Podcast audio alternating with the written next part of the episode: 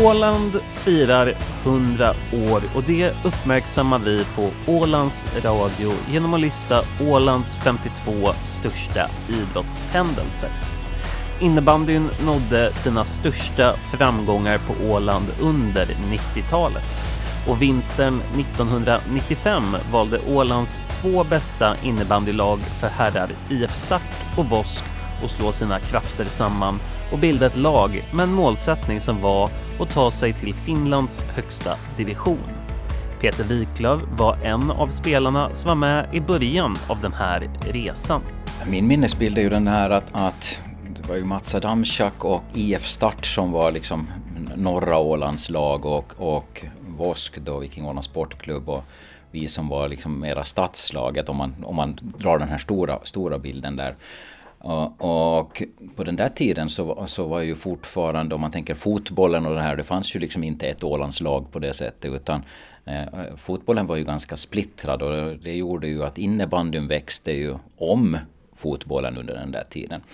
Och sen, sen satt vi ju då ofta på, på varje, inför varje säsong så satt jag och funderade på att hur, hur kan man ta de bästa spelarna från, från IF Start och ta dem till oss för att stärka oss och, och, och på andra sidan satt de ju och tänkte på exakt samma sätt och, och funderade på hur ska de ta de bästa spelarna från oss och ta dem till dem för att stärka sitt lag. Och, något sammanhang där så, så, så, så satt Mats, Mats Adamczak och jag oss ner och egentligen sa att det där, i grunden har vi ju kommit så långt att att den riktiga utmaningen är ju inte liksom att, att slå varandra här på Åland utan egentligen är det ju de här fastländska killarna som vi skulle vilja piska upp ordentligt. Och ska vi komma åt att göra det så då behöver vi nog förena våra krafter egentligen. Och det där var ju liksom på något sätt en sån här förlösande jo, att, att vi, vi gör det där och då var det naturligtvis också lite känsligt med men ska man göra det där, den där resan då ska det då heta Viking Åland Sportklubb eller ska det då heta IF Start? Och Viking Ålands Sportklubb hade ju den formella licensen. Men vi hade ju en, då en diskussion med eh, Ålandsbanken där om att vi skulle, kan vi inte attrahera dem, Ålandsbanken, för vi behöver ju sponsorer. Och på den där tiden var det ju text-tv som var den, den där stora informationskällan och vi hade vi, vi sålde in den här bilden till Ålandsbanken då om att vänta nu, tänk dig själv när, vi, när, när det står Ålandsbankens sportklubb på text-tv högst upp när vi läser att är det inte vackert. Ålandsbanken nappade på det där så att det gemensamma artistnamnet blev ju då Ålandsbankens sportklubb. Eh, och på det sättet kom, kom vi igång i den där egentligen. Så det där var, det, ja, jag tyckte det var snyggt att kunna förena åländska krafter mot de här övriga. För man är alltid lite självgod egentligen. Men, men, men vi vill ju säga då att vi, vi hjälpte fotbollen att organisera upp sig. Men var alla spelare välvilligt inställda till den här sammanslagningen? Eh, jag, jag, skulle säga att det är klart att det som händer när du, när du slår ihop spelare från två lag är ju att det naturligtvis alltid blir några spelare över och sådana här saker. Så det finns men, men jag, jag, tycker nog att bilden ganska snabbt ändå var att vi, att vi lyckades få det där till ett lag. Att det var liksom inte två enheter som spelade utan eh, alla insåg ju det där att, att ska du på något sätt få den riktigt stora äran så då, då är det ju Finland vi vill vara bäst i.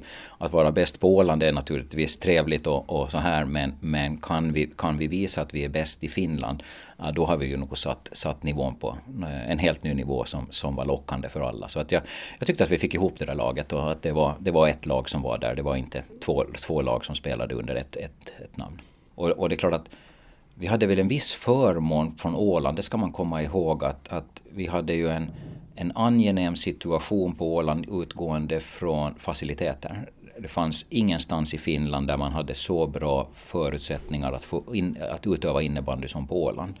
Eh, vi hade, vi hade hallar som var bättre än, än fastlandssidan.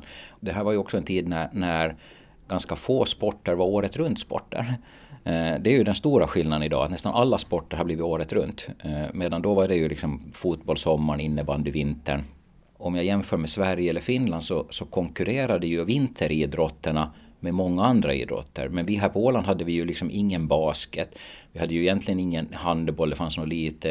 Eh, vi hade en volleybollverksamhet men, men så innebandyn fick ju väldigt mycket tid i de här hallarna och det gjorde ju att vi kunde explodera framåt.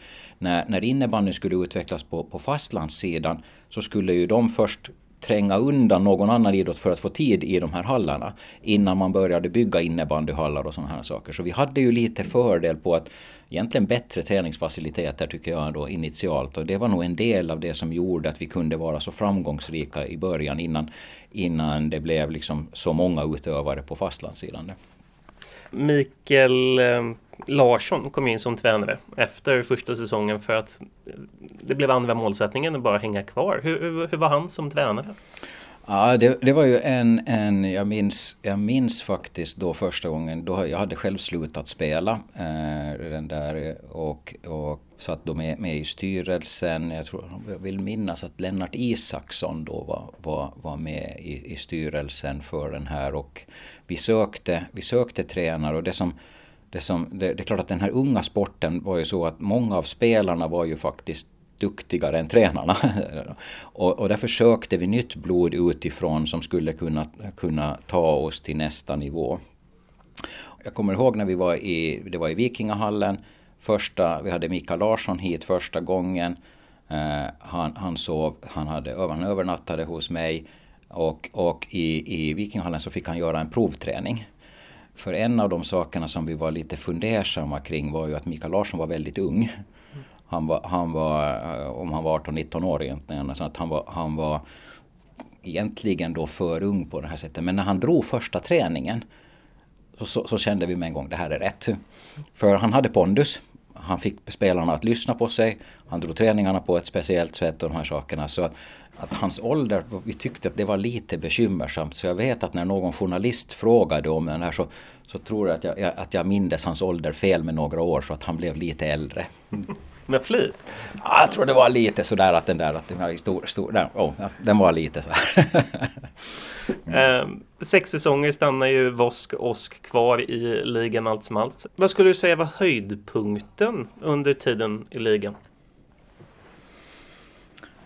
Alltså den där, det är klart att den där hö höjdpunkterna, det fanns ju, det var ju ganska många sådana här matcher. Fanns ju, du hittar ju vissa lag som det blev, det blev eld, mera eld, eldfängt för om man säger så. Att det där och, och vissa av de där spelarna kände man som, som goda vänner. Vissa av de där spelarna kände man som mindre goda vänner. Och det, här. Och det, det där är ju, tycker jag, då en, ändå en, kring den där kampen och den här fighten som gjordes. Jag vet att ett sånt där minne, om jag bara plockar en sån, var, jag tror var en match i Godby.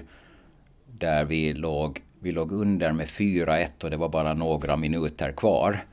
Och då minns jag då att, att den här journalisten Sebba Söder, som nu är bortgången men som var på Ålandstidningen och skrev då. Jag såg att han lämnade, han lämnade Godbyhallen. Varpå vi, vi gjorde tre snabba mål och kvitterade och kom ut med 4-4. Den, den där minnesbilden har att, att, att journalisterna lämnar men då vänder vi matchen. Eller vi åtminstone räddar vi ett poäng. Det är en sån som jag kommer bra ihåg. Hur togs innebandyn emot i den åländska publikens ögon? Nej, men jag, jag, tycker ju att, den där, att vi var ju föregångare på många sätt. Den där, och, och vi, vi hittade, tror jag, det var Vikinglinjen som hade något sån här Eh, mindre läktare som vi fick låna till alla matcher så vi byggde ju upp läktarna. Det var ju lite talkarbete för det var ju spelarna själva som var där och, drog, eh, och byggde läktarna. Och sen fick vi bygga ner, eh, ta ner läktarna efter matchen och göra den. Vi hade annat talko. En del som faktiskt finansierade den här verksamheten väldigt bra var ju det här att det här var ju också guldåren för Bingolotto. Och innebandyn vi, vi hade, hade ju ett gott samarbete med Paf och vi hade ett gott samarbete med butikerna runt omkring och vi stod, spelarna själva, fast vi spelade högsta serien så stod vi ju på Kantarellen, Erik Mattsson och i Sparhallen och sålde bingolotter i dörrarna och här för att finansiera den där. Och vi tjänade väldigt mycket pengar på de där bingolottoförsäljningen. Så det där var ju en del i det här att, att vi, vi själva gör. Och jag vet att det, det är klart att nästa steg blev lite när, när en del av våra spelare började bli duktiga och kom upp i landslagssammanhang och sen satt de i bastun med de här andra Helsingforsarna och liksom de, våra killar fick berätta att de stod i dörren och sålde bingolotter när de här andra Helsingforsarna kunde berätta hur de fick betalt för att göra den där sakerna. Så att på det sättet började ju, var vi ju lillebror från landet där egentligen då. Men jag tror att det var ganska bra också för för, för den här, hela, hela den här stämningen kring laget och de här sakerna. Vi gjorde det här tillsammans. Men tillbaks till publikdelen så tycker jag att den där, vi var ju också där med och började göra sådana här introduktioner för att göra det lite häftigare. Vi släckte ner hallen. Det var, det var emellanåt raketer och, raketer och sprakstrickor när, när gänget sprang in och de här sakerna. Så att, att försöka göra evenemang kring själva, själva matchen lite som man kan se på ishockeyn och sådana saker. Där, vi var nog där och försökte göra, göra nya grejer och pröva lite, lite oss fram. Och det där var ju ganska kul alltså. Ja. Uh, upplevde ni själva lite då när det väl var då på plan uh, som superstars? Jag kan väl aldrig känna att jag skulle ha känt det själv. Men det, men det är klart att den där, jag tror att, att en del av de yngre spelarna tyckte nog att de var rätt duktiga. Vosk Osk tar ju sig till två stycken playoff. Uh, hur, hur, nära kändes det som att ni var på guldet?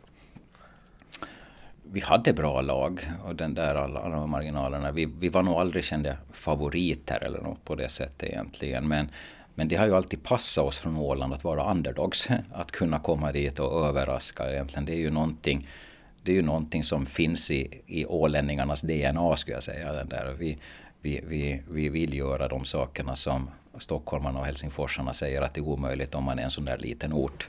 Mm. Så att det handlar nog mer om att, att överträffa förväntningarna i så fall än, än att, att komma dit och, och, och, tro att vi kommer att ta hem det där egentligen. Men det, mirakel händer ju.